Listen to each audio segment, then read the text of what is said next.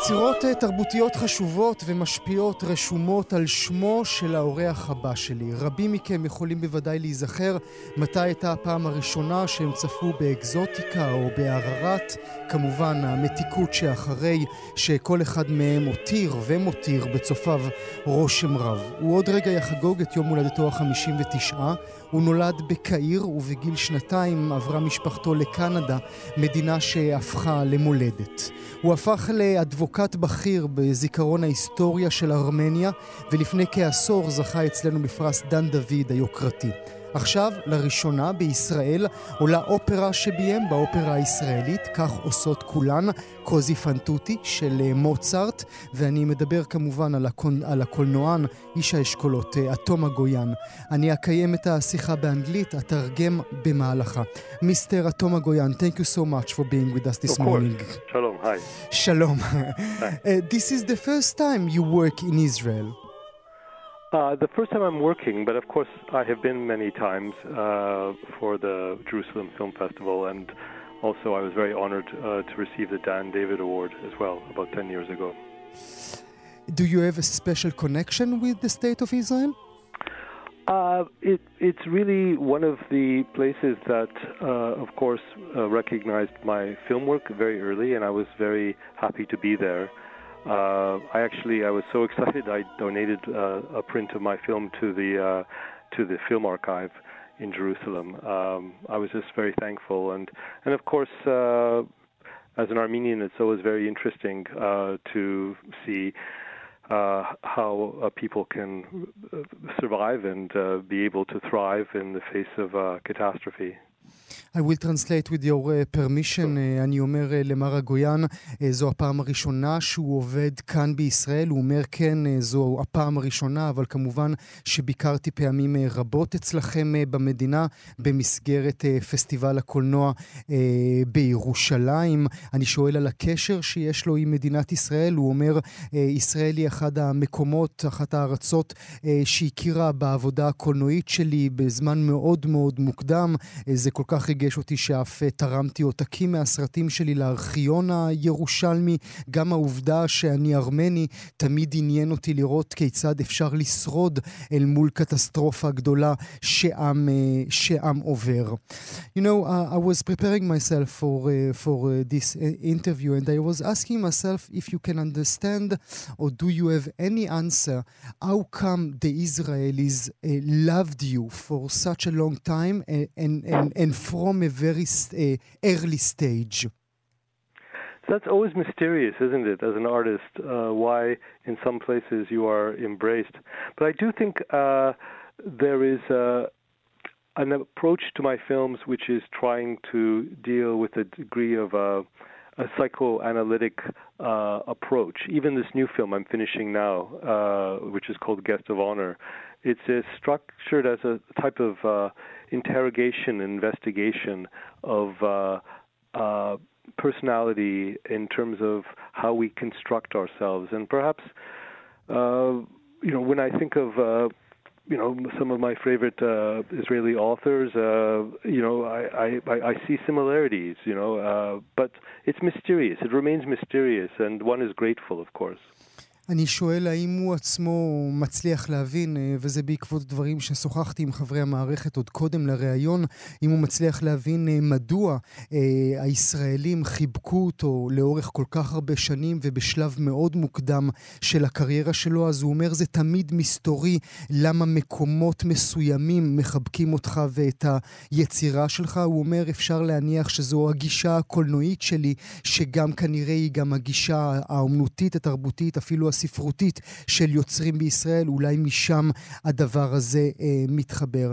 You talked about uh, being, being Armenian, of course, it, it's, it's, it's a part of your heritage. Uh, we all remember Ararat uh, with uh, Charles Aznavour, bien sûr, uh, uh, of course. Uh, uh, is it, did you, did you ever uh, thought of maybe coming back to, coming back to your uh, original name, Yagoyan?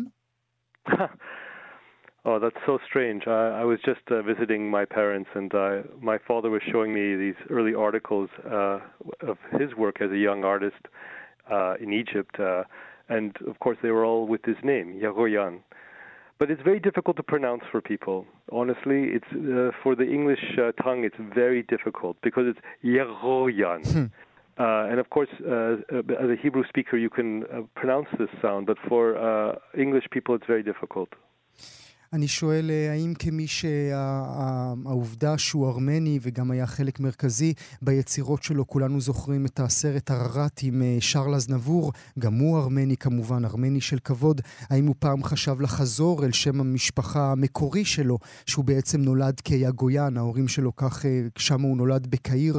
עם השם הזה, אז הוא מחייך, אומר, זה מוזר, בדיוק ביקרתי את ההורים שלי, אבא שלי הראה לי עבודות שלו, עבודות שהוא יצר כאשר היה במצרים, ובכולם הוא חתום תחת השם יגויין. הוא אומר, בכל מקרה זה קשה מאוד להגות עבור דוברי השפה האנגלית, עבורכם הישראלי, הישראלים בעברית זה קל יותר, אבל באנגלית הדבר הזה קשה. Uh, do you think that we in Israel should have maybe a more warm approach to the Armenian history or heritage? Well, of course. I mean, uh, uh, I think we are very uh, we share a very similar history, and of course, one of the great uh, pains uh, is that uh, formally Israel, at a political level, does not recognize the Armenian genocide. This has always been very problematic. Of course, we have many great.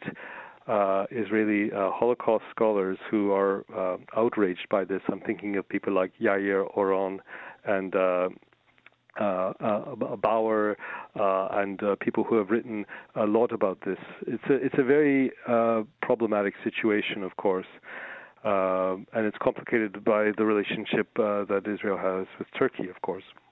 Do you understand why the state of Israel never uh, accepted uh, or recognized? Uh, well, of course, it's it's it's about uh, the relationship with, with, with Turkey, which I understand also has you know it's a political decision, mm-hmm. but at a moral level, of course, it's it's deeply problematic, and it's something that again uh, you know, we have a lot of support within Israel from the intellectual and academic, academic community putting pressure uh, to make this acknowledgement. But uh, it's, a, it's, it's a bit of a block, right? Mm-hmm. אני שואל האם הוא חושב שמדינת ישראל צריך להיות לה קשר או חיבור עמוק יותר, רחב לב אולי יותר, מול ההיסטוריה הארמנית. אז הוא אומר, כן, בוודאי, אנחנו חולקים היסטוריה דומה וכאבים גדולים. לצערנו הרב, מדינת ישראל, לצערי הרב, מדינת ישראל לא מכירה בשואת העם הארמני, וזה בעייתי, הוא אומר. יש חוקרים ישראלים רבים שהם עצמם זועמים על כך שדווקא מדינת ישראל לא מכירה בשואה הזו, אבל כמובן זו החלטה פוליטית בגלל הקשרים עם טורקיה, אבל מבחינה מוסרית עדיין לא משנה מה, עדיין זו בעיה מאוד גדולה. Why... But, but I, I yes. would ignore, if people really, if they're interested in this, they should read uh, Yair Oron's uh, great book, of course, Yehuda Bauer's uh, great work, uh, and that can go into the de- detail of this unfortunate situation. הוא כמובן ממליץ לסיום לקרוא את הספרים של, של יהודה באואר, ששם אפשר להכיר את הסיפורים לעומק יותר. I want to speak with your permission about your film career. Why, mm. why you never went to Hollywood, even after the big success yeah. of the sweet uh, era after and and, yeah. and, and, so many films. It's it's really a question of uh, you know it's very seductive. I spent a lot of time there. I have a very good agent there. Uh, it's a question of uh, I I need I've had the ability to make my own films, uh, which has been, you know, a great blessing. And uh, I would say the closest I have come. I've written scripts in Hollywood uh, with the studios, but in, in a way, there was always a project of mine that came bef- before, mm-hmm. and and uh, I was I always wanted to have this control over my work. Uh, that was really the issue, uh, and also this feeling that um, that ultimately my own voice was really important, uh, and and I wanted to preserve that. I, I do think a film like Chloe is a studio film, but it's not a Hollywood studio, it's a French studio. yeah. אני שואל, עם כל ההצלחה הגדולה שהוא חווה, כמובן במיוחד עם סרט, עם סרט כמו המתיקות שאחרי, שגם היה מועמד אפילו לאוסקר, אפילו בקטגוריית הבימוי, התום אגיאן היה עצמו מועמד לפרס הבמאי באוסקר. מדוע הוא אף פעם לא עשה קריירה שם בהוליווד? אז הוא אומר, זה מפתה, כמובן זה מפתה מאוד, יש לי אפילו סוכן טוב שם בהוליווד, גם כתבתי תסריטים עבורם, אבל היה לי את הזכות תמיד והייתה לי אפשרות ליצור סרטים משלי. תמיד, גם כאשר היו פרויקטים אמריקאים, בסוף היה פרויקט שלי שרציתי לקדם ורציתי אה, שיהיה ראשון אה, בשורה. תמיד הייתה לי שליטה ורציתי שליטה בעבודה שלי, ובסיכומו של דבר רציתי שהקול שלי, ש, שהסיפור שלי יהיה הקול שלי, וזה מה שחשוב ב, בסיכומו של דבר. Do you know... Uh, what are you at the end? What are you? Are you a, a filmmaker? Are you a, a screenwriter? Are you a, an opera director? I'm I'm also very involved in installation arts as well. Mm-hmm, I, yes. I, so I mean, I I I, I think that it's. Uh, I don't know why we would need to categorize. I, of course, my major career is as a filmmaker, uh, and it's because uh, film travels very easily, uh, and really, most people will be able to have access to my films qu- quite easily, especially now through the internet. Um, these other forms, like opera and theater and installation, are much more cumbersome and it's uh, very difficult uh, to move them, you know. And this is why I'm so grateful uh, for this production in Israel at, at, Tel Aviv Opera because I think it's a it's a rare situation where something as as difficult to travel can actually find another audience. But film is very easy to travel, mm-hmm. and, and and also I really, um, w- for me, the relationship with the camera is is incredibly powerful. Um, I felt that when I started to make films, uh, I found a voice through the camera and the relationship with performance. That to me was uh, unbelievably overwhelming as an artist, as a as a form. אני שואל אותו, אני שואל את מר אגויאן, אה, מהו? האם הוא יודע מהו? האם הוא במאי קולנוע? האם הוא תסריטאי? האם הוא במאי של תיאטרון? הוא מוסיף לרשימה שהוא גם יוצר אה, מיצבי אומנות. הוא אומר, אני לא יודע למה צריך אה, להחליט, למה צריך לבחור. כמובן, הוא אומר, כמובן שקודם כל אני במאי, ובעיקר בגלל שסרטים מאוד קל להם להגיע לקהלים חדשים. הם נושאים מאוד אה, קל, הם נושאים נוסעים בצורה קלה, מאוד קל לצפות בהם, במיוחד עכשיו בתקופה של האינטרנט. אבל סוגי אומנות האחרים, כמו אופרה ומיצבים, הם קשים יותר להנאה, ולכן הוא מאוד שמח על ההפקה שמגיעה עכשיו לאופרה הישראלית, כי זה משהו מאוד נדיר שמשהו כזה מצליח למצוא קהלים חדשים, אבל כמובן הקשר שלי עם המצלמה, הוא אומר, הוא קשר חזק מאוד, וכשהתחלתי לעבוד עם מצלמה, מצאתי לראשונה את הקול שלי. And why, why this opera? Why Così fan tutti of Mozart?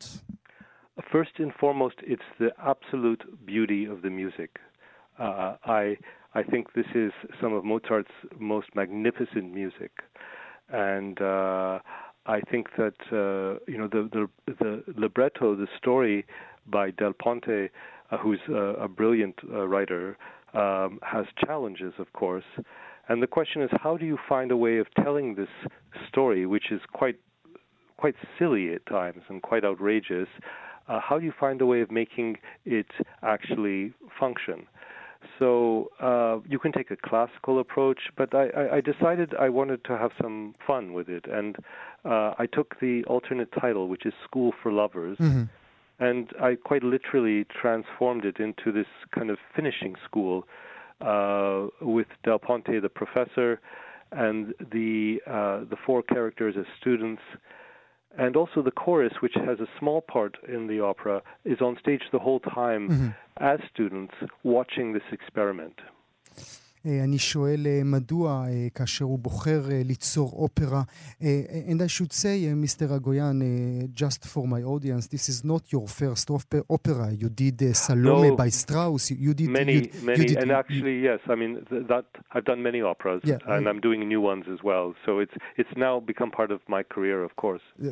This was just for my audience. אז כאמור, כאן אצלנו בישראל, באופרה הישראלית, הוא מעלה את כך עושות כולן, קוזי פנטוטי של מוצרט. אני שואל מדוע דווקא את היצירה הזאת, אז הוא אומר בראש ובראשונה בגלל המוסיקה, זו אחת היצירות המוסיקליות הנעלות ביותר של מוצרט, אבל חוץ מזה גם כמובן הסיפור של דל פונטה, הסיפור המרכזי שעומד בלב העלילה. אתם יכולים לקרוא, רק אומר במילה, שני גברים רבים ביניהם, או אולי מתווכחים ביניהם, או אולי מתערבים ביניהם על כך שהנשים שלהם לא תבגודנה בהם. האחד אומר, אף פעם לא יבגדו, השנייה, השני אומר, כולן בוגדות, כי ככה נשים דעתן קלה, ולכן כולם בוגדות, והם עושים איזשהו ניסוי שם, ניסוי שאפס לא כל כך מצליח, אבל אתם uh, תבינו את זה אחר כך לבד. אז הוא אומר, הלכתי אל הלב של היצירה של דל פונטה, והלכתי אל כותרת המשנה של היצירה, שהכותרת היא בית ספר לאוהבים, ואכן מיקמתי את היצירה כולה בתוך בית ספר, ואכן אתם תלכו לאופרה הישראלית, תראו בית ספר ממש, כאשר האוהבים הם תלמידים, כאשר המקהלה גם הם תלמידים משלהם.